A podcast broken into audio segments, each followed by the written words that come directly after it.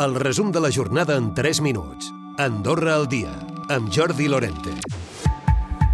L'heliport nacional estarà operatiu a finals del 2025, com estava previst a Caubella, a Pal, amb un cost de la infraestructura de 10,3 milions d'euros, dels quals 5 els aportarà el govern.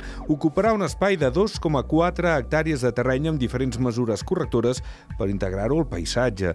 N'ha parlat el secretari d'Estat de Transició Energètica, Transports i Mobilitat, David Forner. Aquestes 2,4 hectàrees, doncs, eh, hi ha una part eh, que quedarà diguéssim, eh, vegetada, hi ha altres parts que, que restauraran. I, i de fet doncs, tindrem aquest, eh, aquest projecte doncs, eh, doncs ben integrat paisatgísticament una vegada entri en funcionament, l'heliport de Pal assumirà el volum d'operacions que té ara el de la Massana i permetrà fer les operacions d'emergències mèdiques i sanitàries, treballs aeris, transport discrecional i també podrà rebre visites d'alt nivell.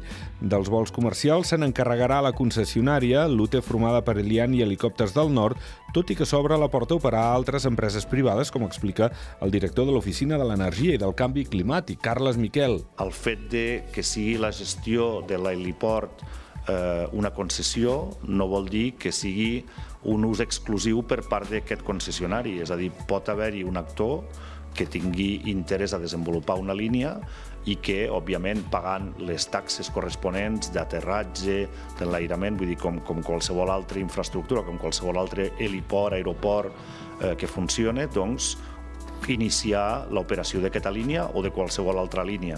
La plataforma denunciant, impulsora de la manifestació pel dret de l'habitatge, es mostra optimista en les previsions d'assistència d'aquest dimarts. Són gairebé 700 les persones que actualment formen part del grup de Telegram on s'organitza la protesta.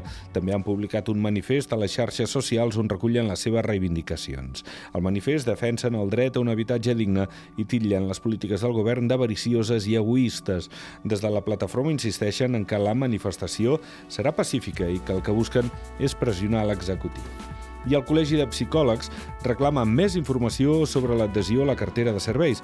De moment, Salut ja ha acreditat una desena de professionals, dels quals quatre estan adherits a la CAS i dos han iniciat visites.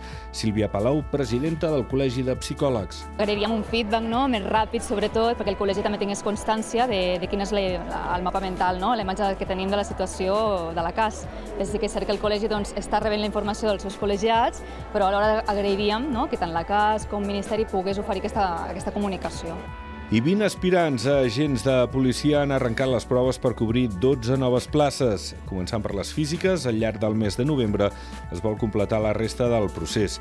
Cada any el cos intenta obrir una convocatòria per sumar professionals i fa una crida especialment a que cada vegada s'hi presentin més dones. Recupera el resum de la jornada cada dia a AndorraDifusió.d i a les plataformes de podcast. Thank you.